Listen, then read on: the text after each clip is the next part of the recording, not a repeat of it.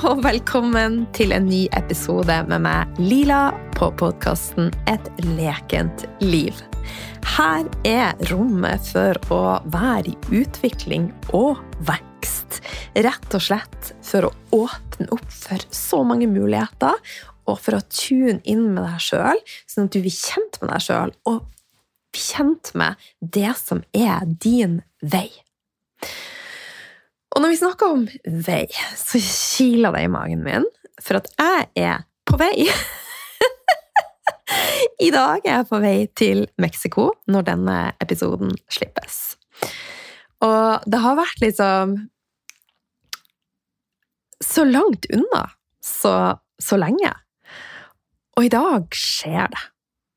Um, så hvis du hører på episoden i dag, send meg masse, masse lys og kjærlighet. Jeg har ei lang reise foran meg. Eh, først fra Oslo til London, så fra London til Mexico City, hvor jeg har ganske mange timer jeg skal tilbringe. Men jeg har, tror jeg landa på at jeg, jeg, holder meg inne på flyplassen.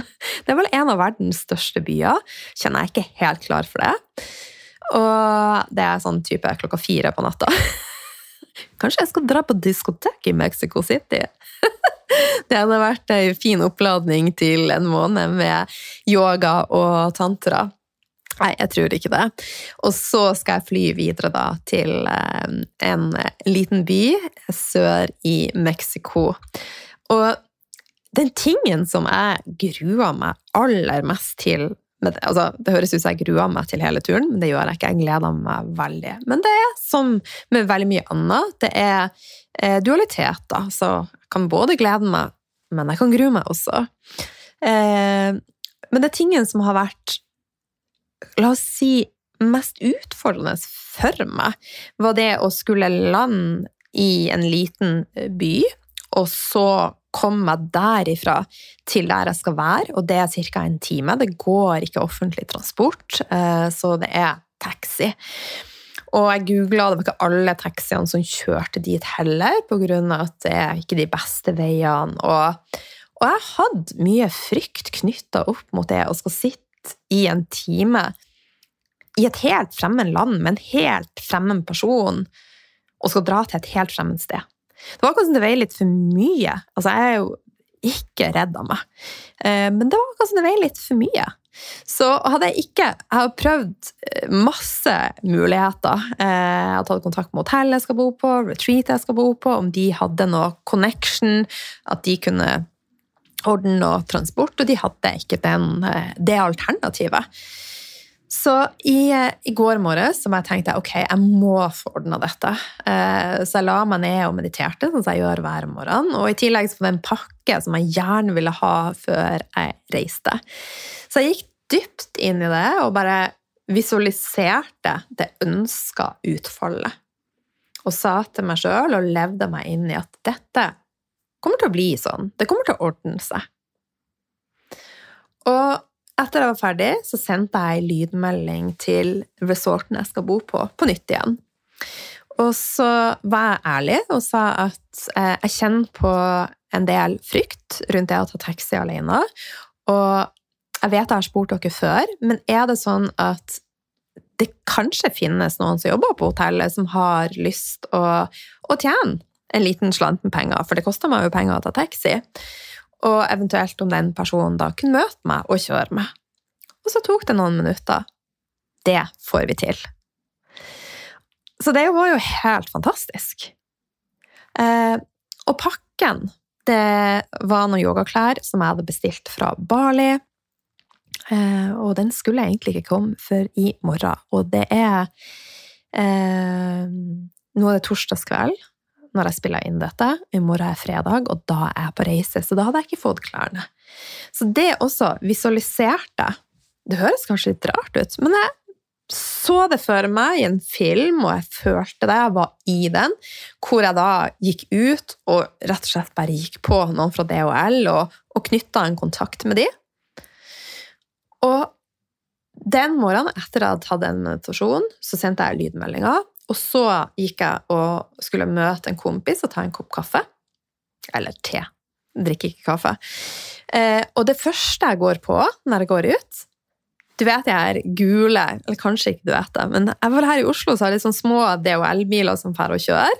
Eh, og han stoppa rett utover her. Han hadde ikke noe pakke til meg. Jeg bare Hei! Smilte til han og forklarte situasjonen, og han bare 'Selvfølgelig skal jeg hjelpe deg.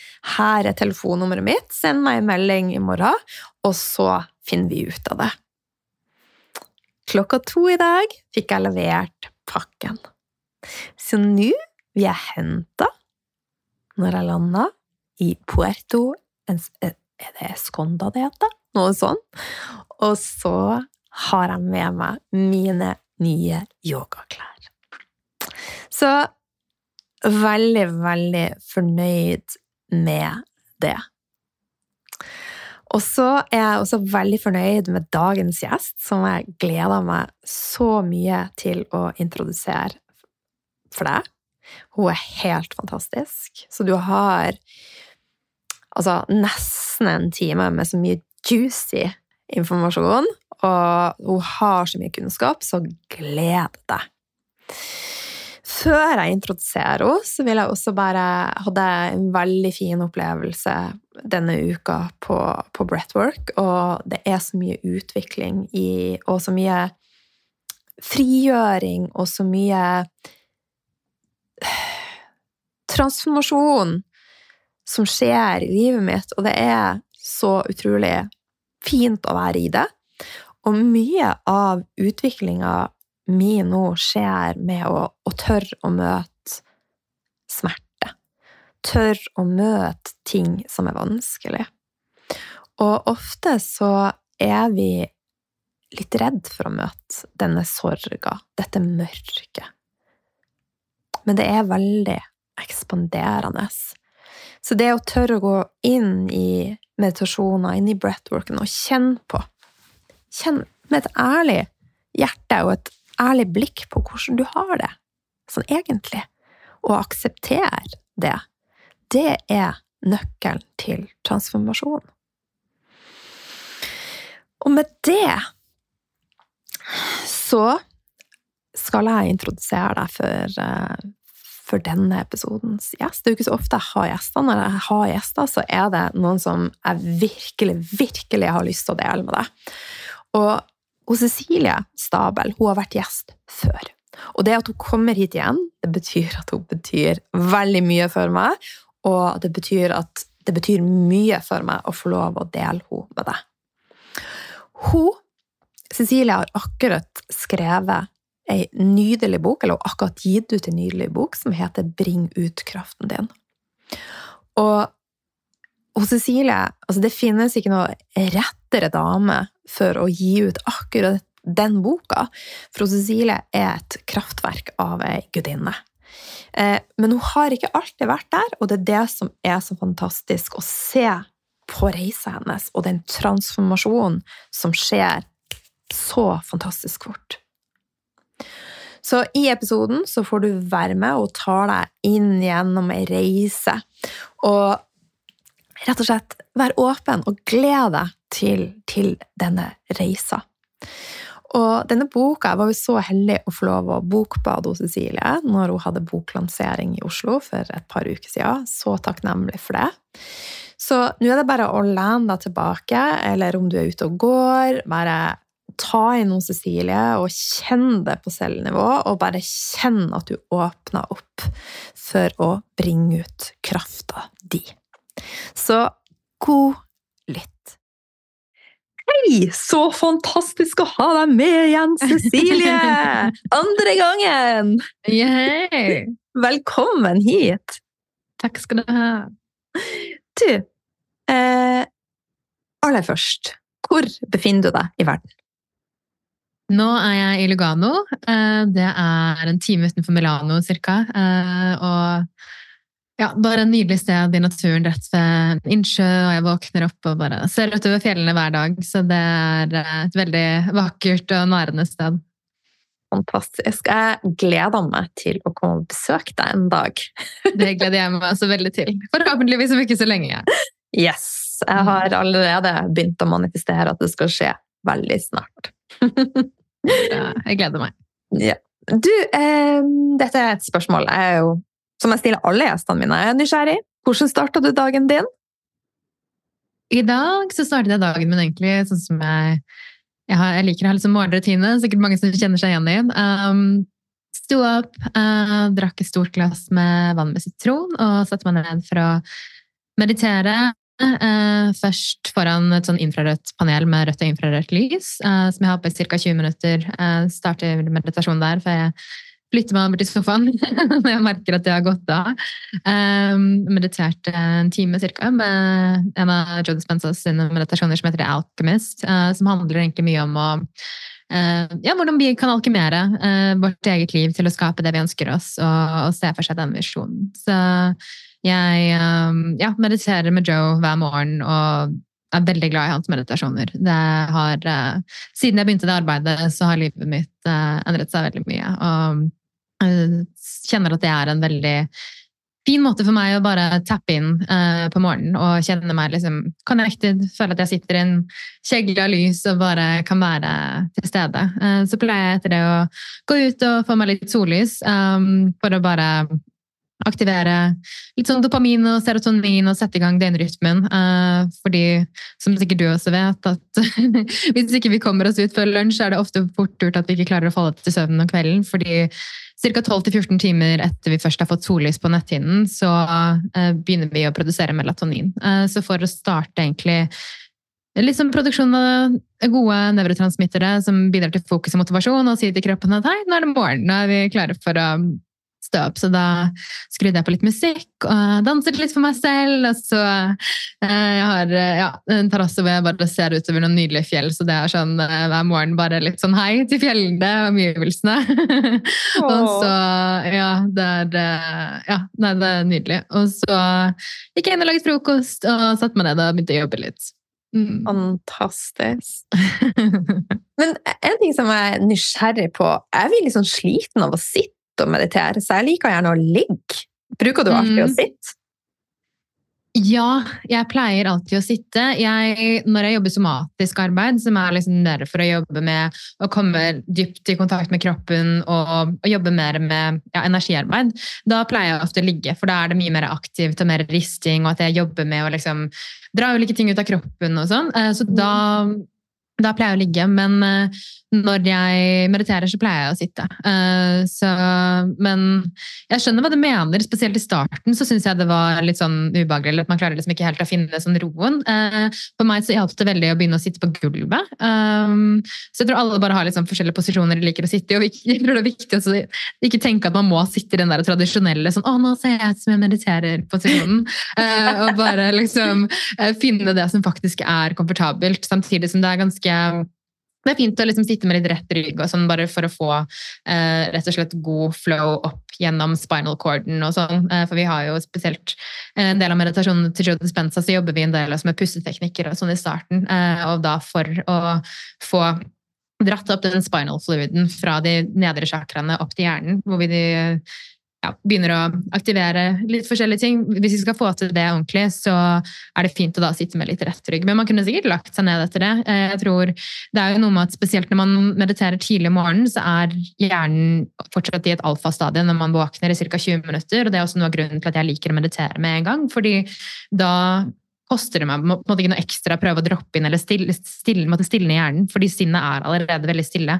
Og da er det mye lettere å komme til det stadiet hvor vi faktisk føler at vi har en dyp meditasjon, istedenfor at vi bare sitter og har en sånn indre dialog med oss selv om hva vi skal gjøre senere på dagen. og, og sånne type ting. Um, Spesielt når man gjør det rett før man legger seg eller med en gang man står opp, så tror jeg det er mange som kanskje kan ha en tendens til å sovne, rett og slett, hvis man uh, hvis man, ja, spesielt kanskje hvis man holder på en time, for da kan man komme ordentlig dypt. Uh, så, men det hender at uh, jeg legger meg ned typ de siste ti minuttene for å bare liksom få uh, egentlig koblet helt av. Mm.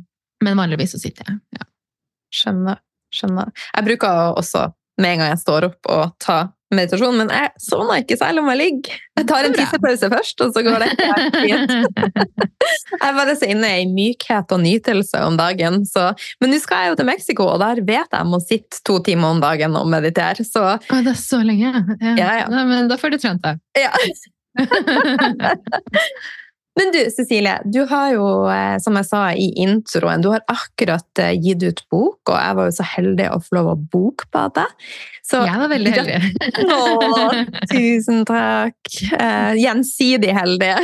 Vi var begge heldige. Eh, gratulerer, aller først. Og hvordan føles det? Endelig er babyen ute! tusen takk. Det føles veldig bra. Det føles litt sånn, det var litt sånn rett før. Eh, så var jeg, sånn, jeg følte meg, følte meg, litt som en sånn kylling som skulle liksom hakke seg ut av egget. Det har bare holdt på så sykt lenge. Eh, for det jo, har vært et stort prosjekt, og det er en ting er når man er ferdig med å skrive, men da begynner jo en hel annen prosess med mm. det å ja, involvere redaktører og korrekturlesere og språkvaskere og designere og fotografer. og det er jo mye som skal inn i en bok. Um, så det, jeg kjente at nå var jeg bare så på overtid klar for å liksom bli, bli ferdig. Så det kjenner jeg at jeg er bare sånn ja, veldig glad for å ha det ute i verden. Og så det er jo litt sånn med, med, en bok at du jobber veldig lenge på et prosjekt som du egentlig ikke får noen sånn umiddelbar tilbakemelding på. Det har jo selvfølgelig hatt flere som har lest gjennom når manuset har vært ferdig, og uh, fått tilbakemelding fra de på forlag og redaktør og sånn. Uh, men i motsetning til f.eks. en podkast eller ting på sosiale medier eller mange, mange, formater på kurs, så får man mye mer sånn umiddelbar tilbakemelding. Um, så det har også vært veldig hyggelig å høre fra de som nå har lest boken og har bare ja, jeg har fått noen kjempehyggelige meldinger av folk som jeg fikk en melding i morges bare, jeg tror jeg har tatt 100 Post-It-lapper av tingene i boken, for det, nå kan jeg liksom bare finne tilbake til informasjonen. og ja, Det, det er skikkelig skikkelig hyggelig uh, å se at liksom folk også uh, ja, tar det til seg uh, og er villige til å gjøre endringer. For det er jo masse god informasjon der, men hvis man ikke på en måte er villig til å sette seg inn i det, eller villig til å gjøre endringer, så vil jo ikke det monne noe uansett. Så det kommer jo eh, ja, ned til den enkelte, og at man på en måte velger å sette seg inn i det og velger å engasjere seg. Mm. Mm. Du har jo vært eh, gjest på podkasten før, og da fortalte du litt om de reiser, og at det har vært ganske tøft. Mm. Og du har jo gått fra et sted og kommet så Altså, du er så kraftfull i dag, men det har jo vært ei reise. Så eh, hva var motivasjonen bak å skrive denne boka? Er det linka opp mot eh, den reisa du har vært på? Mm. Eh, motivasjonen var definitivt eh, Dette er boken jeg skulle ønske jeg hadde for ti år siden. når jeg startet min helsereise. For jeg, når jeg var rundt 18, så ble jeg plutselig ganske dårlig. Jeg var veldig sliten, hadde mye hjernetåke og var sånn, det var vanskelig å finne ut av akkurat hva det var. Og så fikk jeg etter hvert noen forskjellige diagnoser, eh, men så viste det seg etter hvert det tok ca. fire år før vi fant ut hva som egentlig var problemet. Disse diagnosene var egentlig bare symptomer på hva som var hovedårsaken, og det var en tungmetallforgiftning. Mm. Um, så da var det jo fire år hvor man egentlig ikke klarte å finne ut av så mye, og jeg gjorde veldig mye research selv. Og eh, var allerede opptatt av helse, og jeg vokste opp i en veldig sånn, sunn familie. Um, og begynte å, å, lese og lære og prøve å forstå. Uh, og så når vi etter hvert fant ut at jeg hadde en tungmetallforgiftning også, så er det heller ikke noe man selv når man finner ut av det, så kan man ikke bare kjøre en fem dagers juice cleanse, og så er det over. Det er uh, veldig intens og systematisk avgiftning uh, over flere år. Um, så da, i forbindelse med det, så dedikerte jeg egentlig hele livet mitt til å, å lære om helse. Uh, for det er litt sånn at når vi har når vi har mye energi, så har vi kraft å gi til alle områder i livet. Men når vi ikke har nok energi til å egentlig være til stede i livet, så er det på en måte plutselig bare alt som betyr noe. Um, så da begynte jeg å lære om kosthold og ernæring, og hvordan var alle allerede egentlig ganske sånn opptatt av det, og relativt oppdatert på det i forhold til veldig mange andre.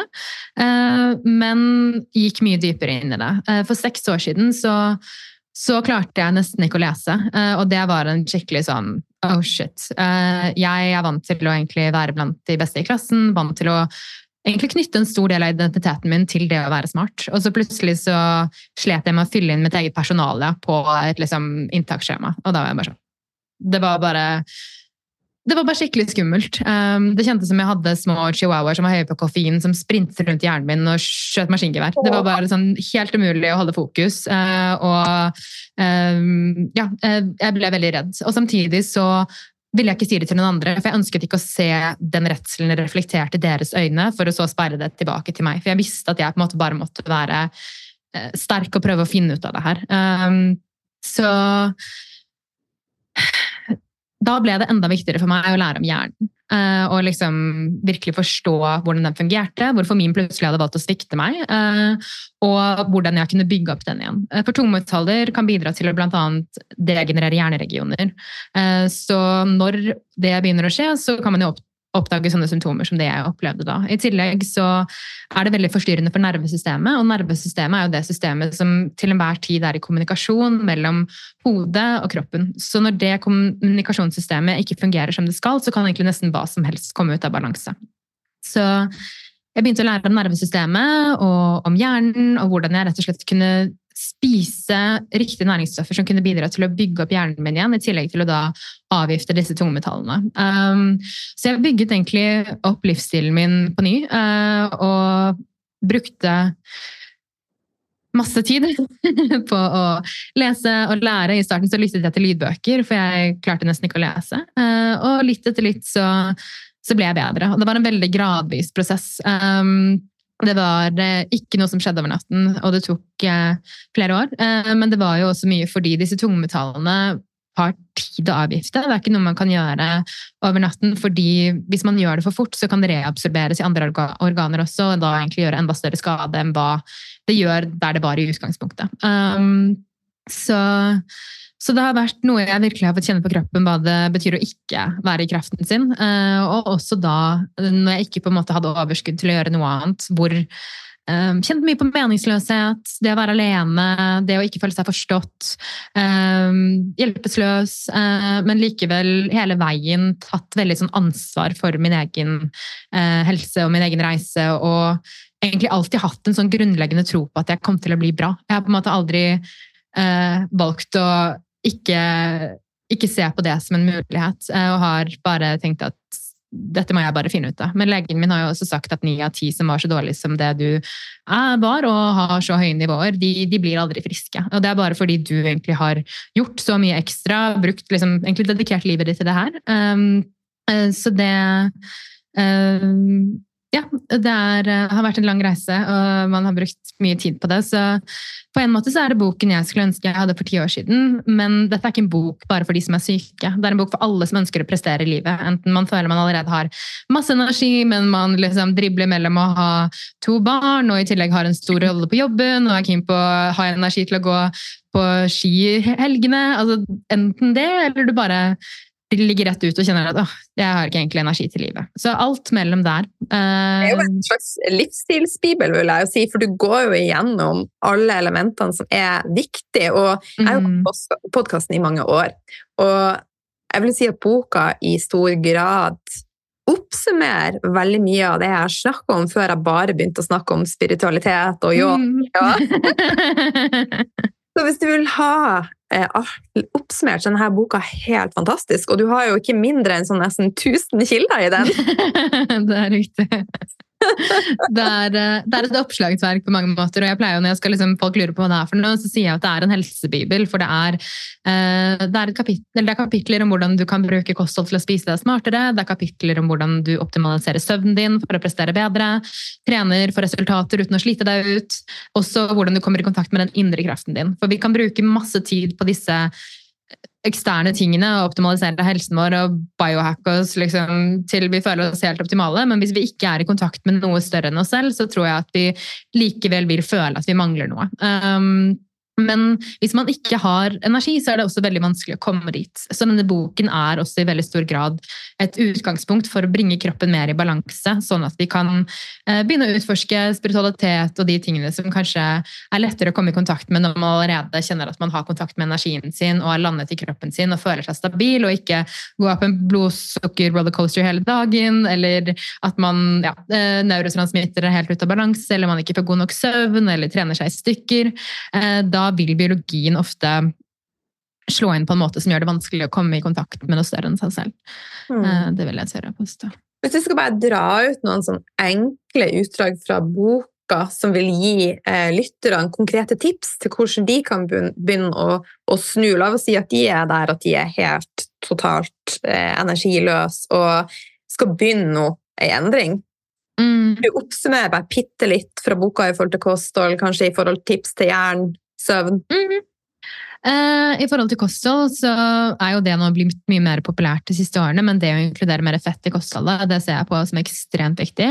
Alle cellemembranene våre er bygget opp av fett, og strukturen på hvor raskt ting flyter inn og ut av membranene, som er måten cellene våre kommuniserer på, det avhenger av strukturen på de membranene. Og strukturen på de membranene det bygges opp av fettet vi spiser. Så hvis vi spiser fett av dårlig kvalitet, så vil det påvirke cellestrukturen. Og hjernen vår er også i kjempestor grad bygget opp av fett. Så hvis vi spiser et veldig magert kosthold, f.eks., så vil det få stor innvirkning både på hjernen vår og på hvordan hele kroppen kommuniserer. Og også hvis vi spiser veldig mye planteoljer, spesielt planteoljer som lett kan oksideres. Eh, Fordi alle fettsyrer Det finnes jo forskjellige typer fettsyrer. Vi har mettet fett, enemettet og fleremettet. Og mettet fett det er som du sitter ved et bord, og så er alle stolene ved bordet tatt. Mens når det er enemettet, så er det én stol som kanskje det ikke sitter noen på. Fleremettet, da er det flere stoler ved bordet som er tomme. Og når det er flere stoler som er tomme, så betyr det at oksidanter kan komme og knytte seg eller sette seg på de stolene. Det er da oksidanter som oksiderer den fettsyren og gjør at den blir ehm, Egentlig skaper inflammasjon i kroppen. Så mettede fettsyrer er de mest stabile. Det er de vi vil bruke til å steke med og bruke i varm mat, eller eventuelt enemettede fettsyrer som er varmestabile. Olivenolje og avokadoolje eksempel, er veldig gode fettsyrer å bruke på høyere temperaturer, i tillegg til kokosolje, smør og ghee. Um, så når um, så Vi har på en måte noen fettsyrer som er helt essensielle- for oss, og flere av disse er det definitivt lettest å få i seg via animalsk føde, via kjøtt og fisk. Eh, Så når jeg ser eh, at vegansk kosthold har begynt å bli veldig trendy, spesielt hos den yngre generasjonen, og jeg ser også en korrelasjon med eh, mye depresjon, mye mentale utfordringer, så tror jeg at det også er linket opp imot hverandre. Og syns at det er synd, og jeg vet at det for mange av de kommer fra en veldig god intensjon om å ønske å gjøre noe godt for miljøet og for naturen.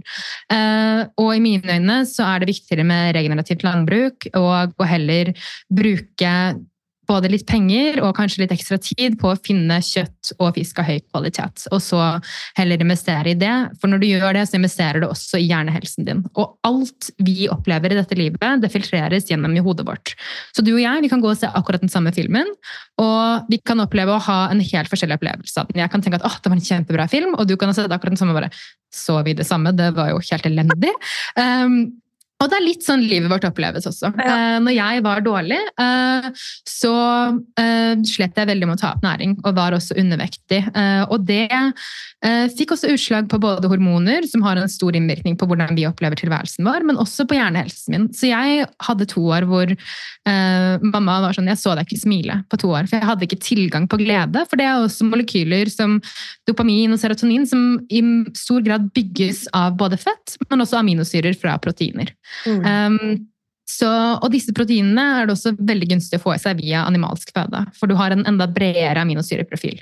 Det betyr ikke at det ikke er mulig å få det i seg via vegansk, eh, men da er det viktig at man er har en veldig spesifikk approach, noe jeg også snakker om i boken min, um, og har dedikert eh, et kapittel hvor vi faktisk sammenligner et vegansk kosthold, faste og et ketogent kosthold, og hva man må tenke på hvis man skal lykkes med de ulike. For det er mulig å lykkes eh, med det, i hvert fall en periode. Jeg mener at eh, et kosthold hvor man inkluderer animalsk føde, vil være optimalt for de fleste. eh, absolutt. Og det vil gjøre ting veldig, veldig mye enklere.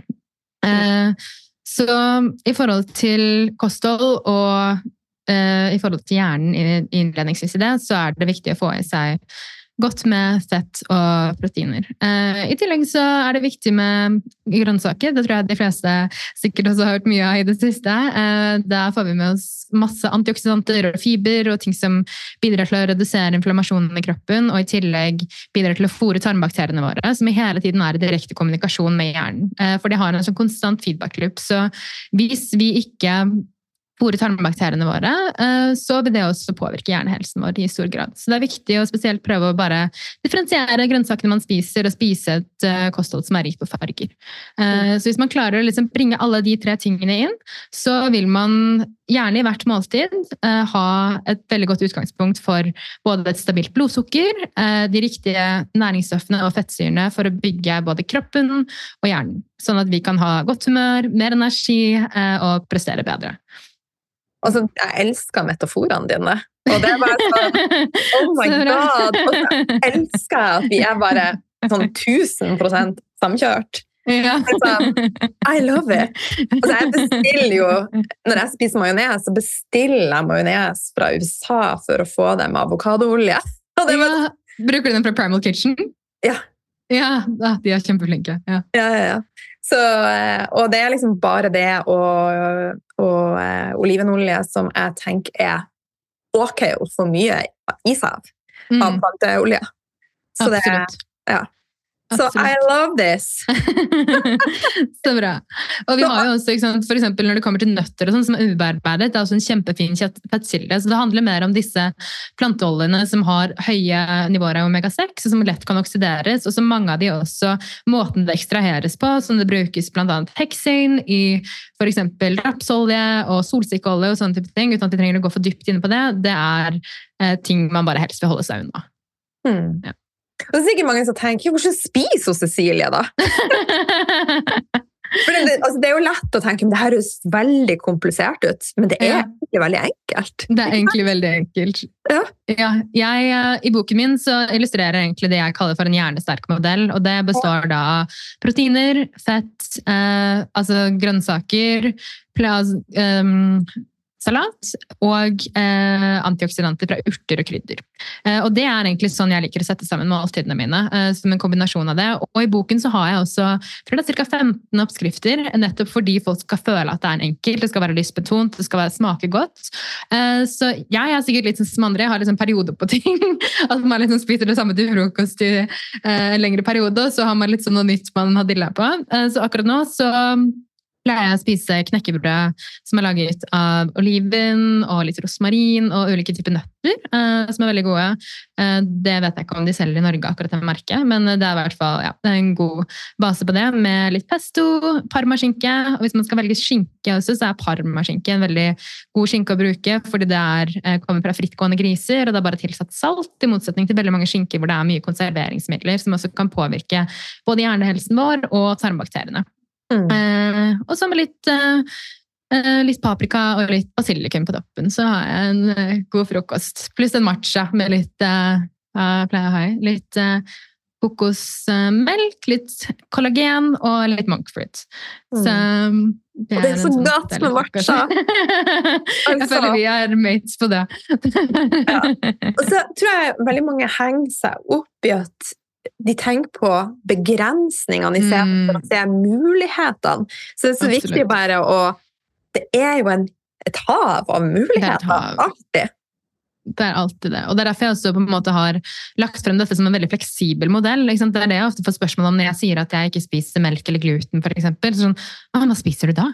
Sånn, melk og gluten er ikke naturlig i noen andre ting enn det som på en måte inneholder melk og gluten fra naturens side. Eh, Det er bare det at vi har valgt å lage så mange prosesserte alternativer som vi velger å ta i oss hver dag, og på en måte tenke på som en veldig stor del av matpyramiden for veldig mange. Mm. Mens når jeg går inn i en vanlig matbutikk, så er det ca. Cirka, i hvert fall 85% av det som er i den butikken, det ser ikke jeg egentlig på som mat. For det er pakket inn i forpakninger som gjør at det holder i årevis. Det er fullt av konserveringsmidler og ting som ikke jeg ønsker å ha i kroppen min. Jeg går i grønnsaksdisken og i fruktdisken, liksom der hvor det er ferskvarer. eh, Og så går jeg til kjøtt og fisk, eh, og så er jeg liksom egentlig ganske fornøyd. Supplerer med litt kokos eh, kokosmelk og litt oliven og litt olivenolje og diverse, og så får jeg akkurat det jeg trenger. Og spesielt hvis man er flink til å bruke krydder og urter og ikke er redd for å bruke fett, så kan du få maten til å smake helt fantastisk. Eh, Og du kan, jeg sier ikke at man skal spise kylling eller biff til middag liksom det samme hver eneste dag, men du kan få den samme kyllingen, du kan lage syv forskjellige retter med nesten akkurat de samme ingrediensene, hvis du er god til å bruke krydder og urter og litt hvitløk og forskjellige typer ting, og få veldig forskjellige spennende smaker.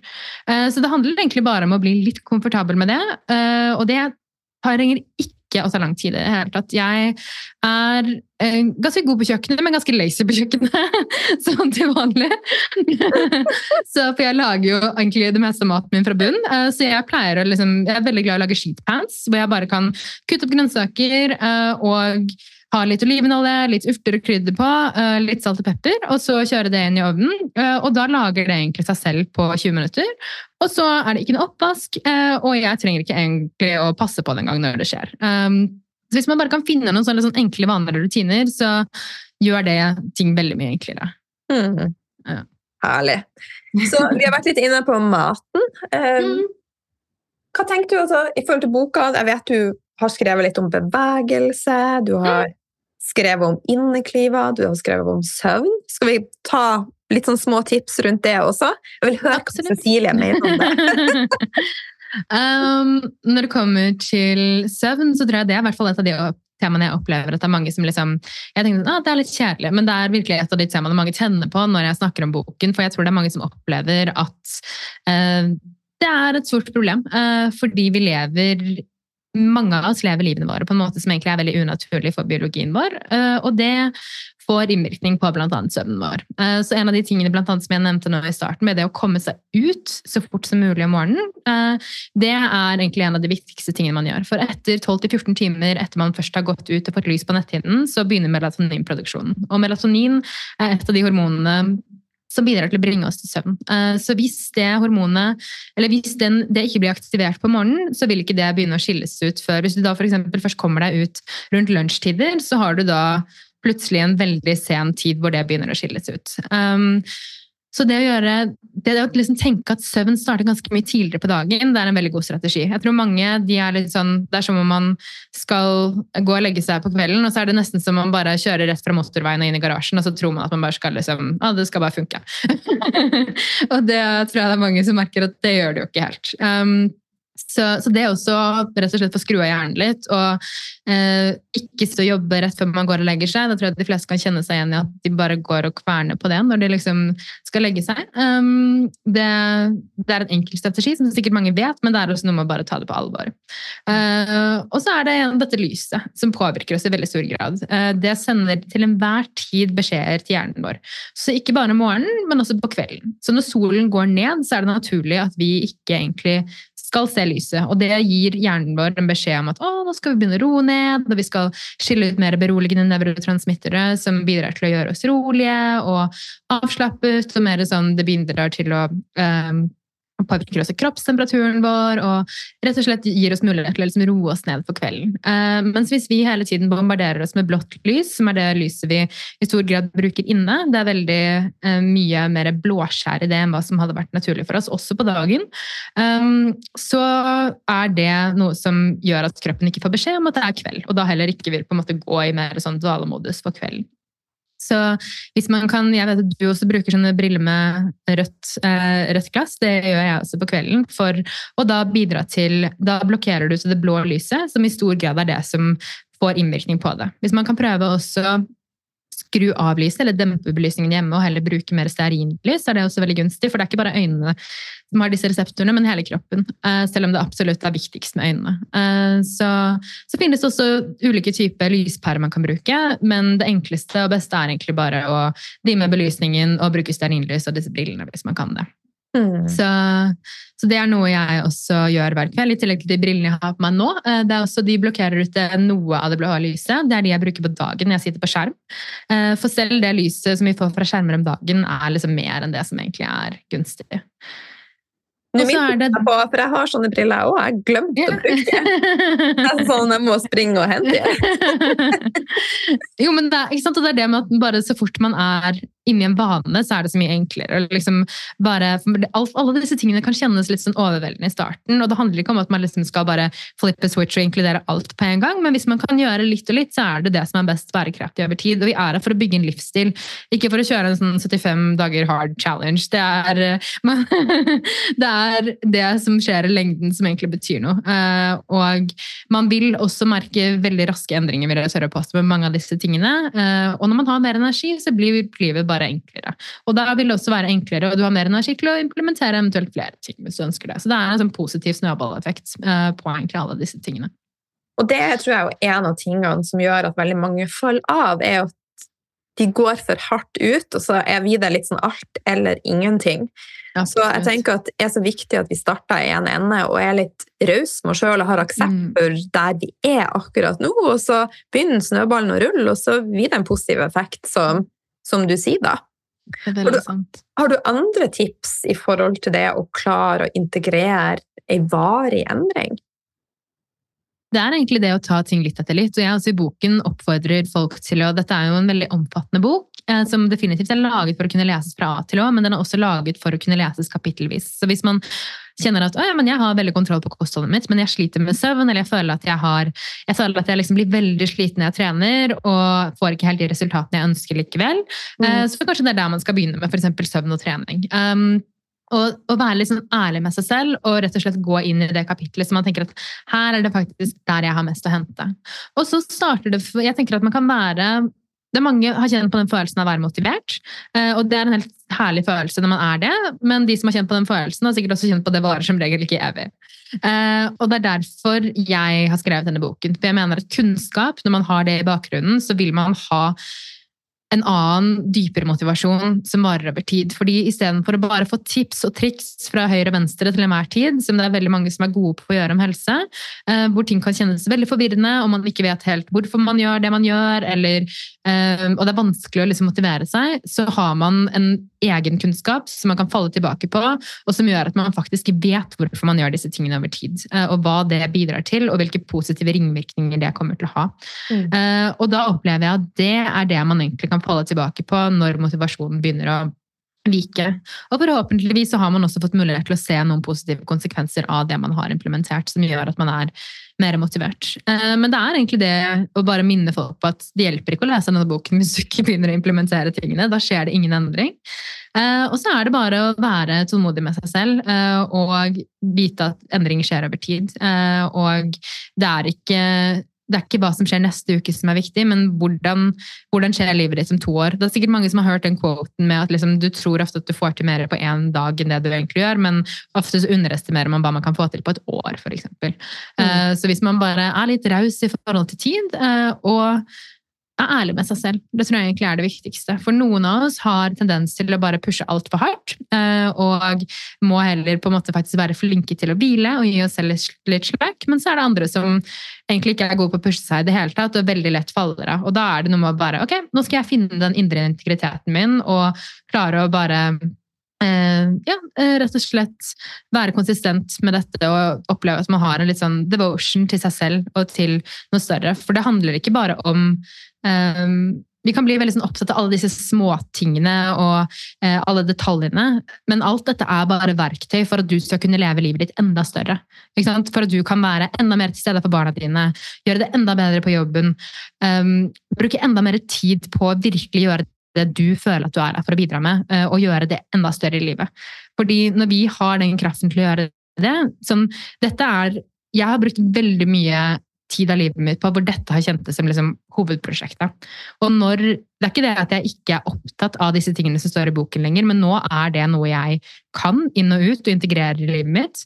Og da trenger jeg ikke å bruke så mye tid på det lenger. Fordi jeg har et energigrunnlag og et, en kapasitet som gjør at jeg får mulighet til å spille så mye større i livet og virkelig bruke tiden min på det jeg syns er spennende. Og det er det dette skal være et utgangspunkt for. Ikke for at vi skal liksom sitte og nitpikke ned i alle detaljene. Og det er masse spennende når det kommer til biohacking og små ting man kan drive og leke seg med og integrere i boken. Men vi kan også ende med å bruke hele livet vårt på å bare bli helt oppslukt i det. Eh, og for de fleste så handler livet om, om, veldig mye mer enn det. Så jeg vil egentlig bare minne folk på, på at dette er et verktøy for å, for å bringe ut alt du er her, for å kunne bidra med å liksom kjøre på der du virkelig kjenner at du har drive. Mm, og jeg tenker dette er så viktig, for at jeg var jo i, i mange år sånn som du gikk dypt inn i det på grunn av at jeg hadde en mission om å bli frisk. Mens Mm. du er det bare en del av, av meg og hun som bor i meg, og det har jo bare åpna dører til nye ting. Så det bare Mm. skjer på automatikk. Det, altså når vi har gjort ting nok mange ganger, så blir det integrert i underbevisstheten vår. Så du trenger Mm. ikke å tenke når du går til kjøleskapet skal jeg ta den der posen med kjeks, eller skal jeg ta avokado? Du tar bare avokadoen automatisk. For du vet at ja, jeg elsker det, det er bra for meg her og nå, men det er også bra for meg in the long run. Så, eh, Og så bidrar det også til å liksom, Vi endrer jo eh, nervebanene våre i hjernen når vi tar nye vaner over tid. Så det, jo, det vil bli enklere og enklere, og i tillegg når man har denne bakgrunnsinformasjonen i tillegg, så håper jeg at det også kan bidra til å motivere. Så etter hvert så tror jeg ikke man vil føle at det er et, det er ikke et valg lenger på samme måte. Sånn som du sier, det er bare det det er den nye rutinen, det er den nye vanen, det er den nye nervebanen i hodet som man bare er sånn Å ja, ok, mat, avokado. Det er liksom ikke mat, kjeks lenger. Det det er, en, ny, det er en ny link. Ja. Og så ser vi en avokado og så tenker vi wow, hva kan vi gjøre med den? Jo, vi kan lage is av avokado, vi kan lage mos av avokado, vi kan lage kake Mm. av avokado. Altså, det er jo ikke en måte på hva du kan lage av avokado. Det er helt sant. Og det er noe med bare ja, tillate seg selv å bruke kreativiteten når det kommer til disse tingene, og virkelig ja, tillate seg å se på, se på mat som næring, og hvordan det kan bidra til å bygge kroppen og kapasiteten vår, og virkelig livet vi ønsker på mange måter. Da. Mm. Mm. Jeg vet jo at, så, at du også er opptatt av en helhet. Eh, så hva er dine tanker om ting vi har i hjemmet, det vi smører på oss, det vi sprayer i håret vårt, kontra mat? Ah, jeg, blir så, jeg blir så lei meg når jeg bare liksom ser hvor mange som ikke virker som de vet, eller i hvert fall velger å ikke ta stilling til dette, fordi huden er det største observasjonsorganet vårt, og det alt vi smører på oss, eller eh, sprayer på oss, eller er i kontakt med, det vil også komme inn i sirkulasjonssystemet vårt. Og det er jo, jeg har jo virkelig vært forgiftet, så tatt en skikkelig opprydning av hele alt i livet mitt, for å si det sånn, når det kommer til sånne ting, men er i tillegg egentlig oppvokst i et hjem hvor vi har eh, ja, hatt mindre sånne type ting enn det veldig mange andre. Vi var tidlig ute med å spise økologisk og sånn, vil jeg tørre å påstå.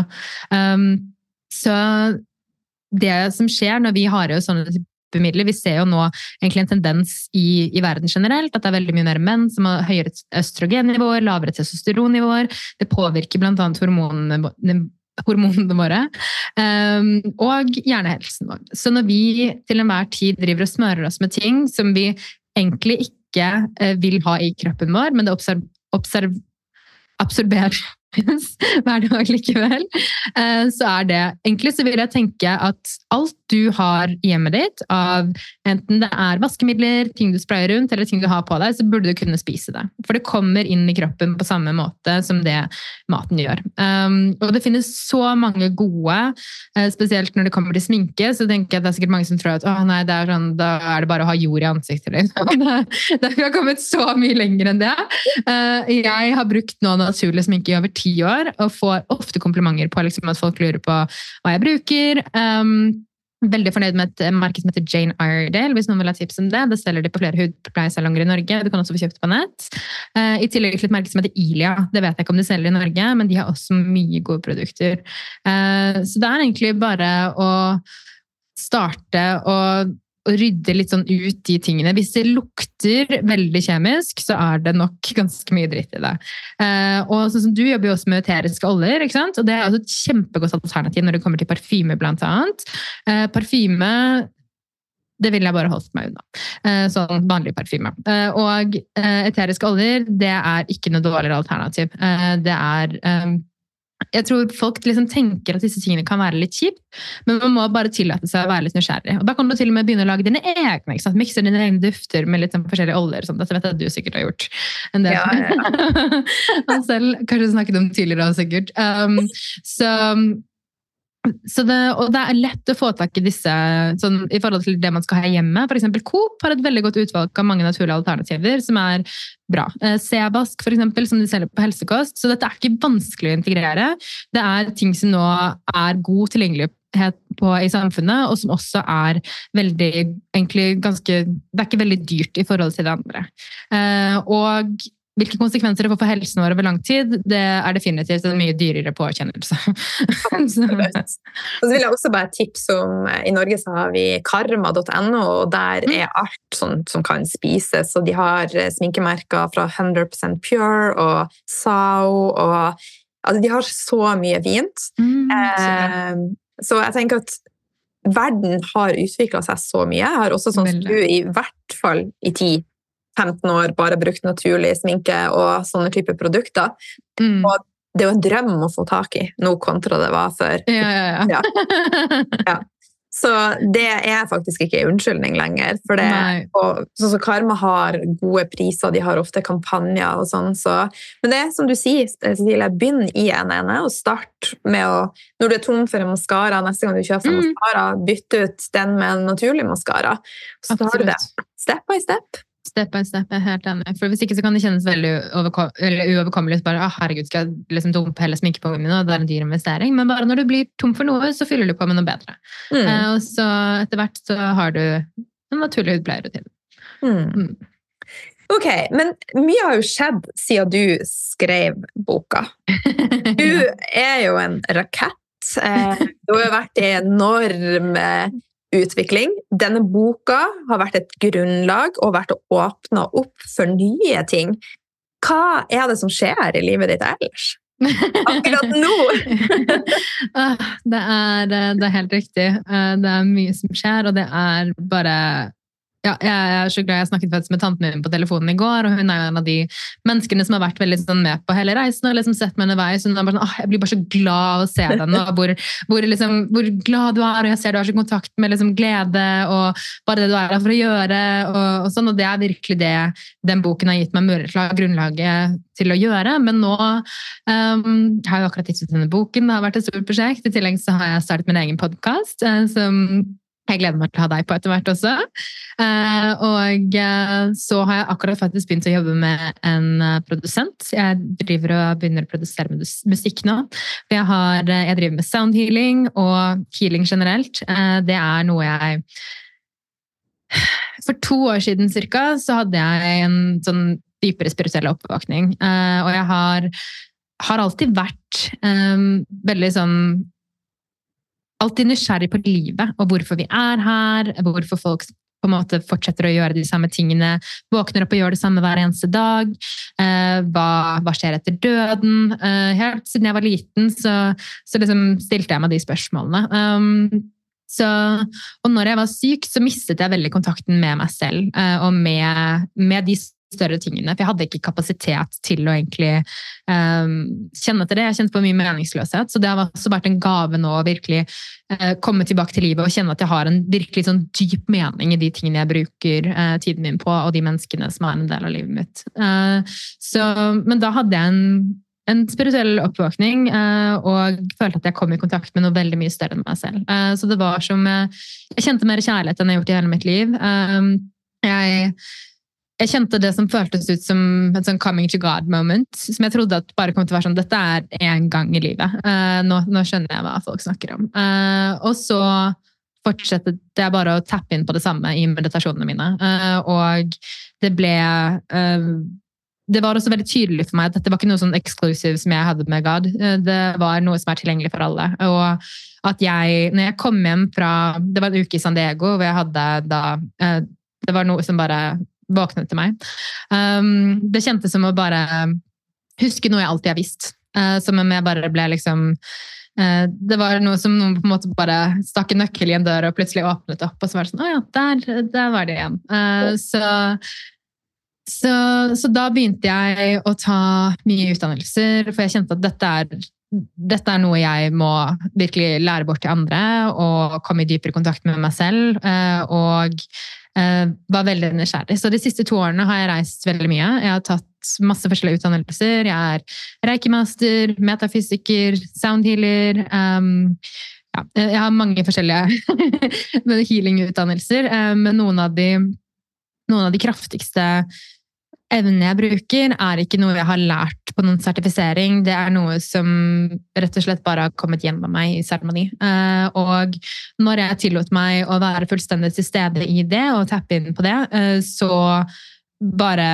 eskalerte måten jeg kan heale på. Uh, og det har vært en sånn fantastisk nydelig reise i det å stole på seg selv og sin egen intuisjon og det man vet, og det som på en måte er noe som er mye større enn oss selv, og tillate seg å være et instrument for noe annet som egentlig spiller meg når jeg synger, eh, fordi jeg tuner inn på de holografiske mønstrene i rommet, og menneskene som er der, og hva de har behov for. Um, og aldri noen plan for akkurat hva jeg skal synge.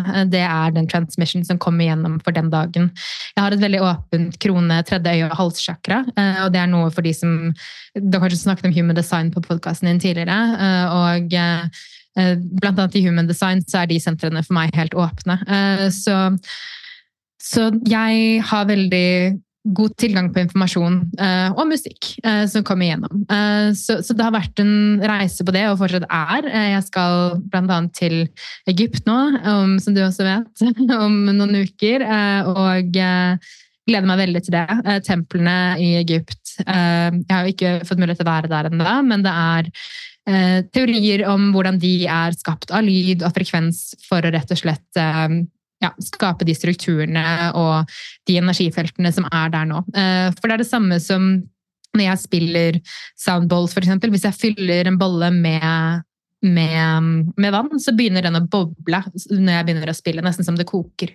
Og kroppen vår er jo 70% vann. Så lyd bidrar til å strukturere cellene våre og det som skjer der, i veldig stor grad. Eh, så, så jeg gleder meg veldig til å dra til Egypt og få kjenne på en enda sånn større, større del av det. Eh, jeg skal ta masternivået mitt nå i metafysikkerutdannelse i april. Eh, og skal en tur til Colombia og både være del av seremoni og fasilitere seremoni. Så um, det er eh, ja, det som på en måte har våknet opp som et kall i meg, at jeg virkelig føler at jeg har kommet tilbake til livet, det er å være her uh, for å bidra til å bringe oss inn i denne nye æraen som vi er på vei inn i nå. Og det er ikke noe jeg skal gjøre alene, det er noe jeg gjør sammen med veldig mange andre. Uh, men virkelig å, å, bringe oss tilbake til oss selv, til en større mening enn oss selv, og til naturen. og innse at vi er natur. For jeg tror det er veldig mye disconnection der som, som, gjør at vi kjenner oss slitne, vi kjenner at vi mangler mening, purpose.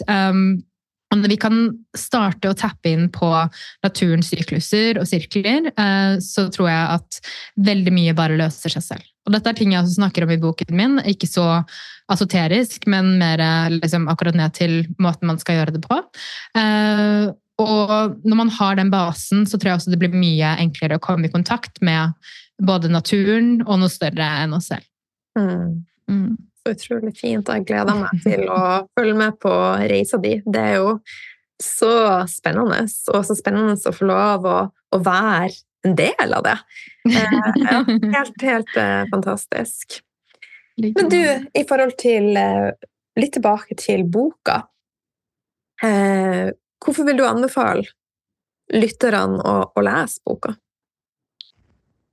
Dette er boken som jeg skulle ønske jeg hadde for ti år siden. Det er, eh, jeg har prøvd å skape en bok som er veldig komplett i forhold til alt man trenger. Det er jo fantastiske bøker der ute på mange av disse temaene som er skrevet av forskere eller folk som har veldig mye kunnskap, men jeg opplever at mange, selv om de kanskje sliter med søvn, ikke vil lese en bok på 500 sider som er skrevet av en forsker. Mm. Jeg har lest flere av de bøkene, eh, og prøvd å kondensere den informasjonen rett og slett ned til heller et kapittel på ca. 30 sider, eh, hvor jeg snakker med min egen stemme, som vi på en måte er i dialog nå. Eh, jeg har litt humor, litt personlige historier, eh, så det kjennes ikke som en sakprosabok. I tillegg til at det er outlinet første del av kapittelet. Litt sånn sånn fungerer dette i kroppen, avhengig av hvilket tema det er snakk om. Og så er det veldig sånn tips som er veldig tydelige i forhold til hva du kan gjøre for å optimalisere for nettopp det.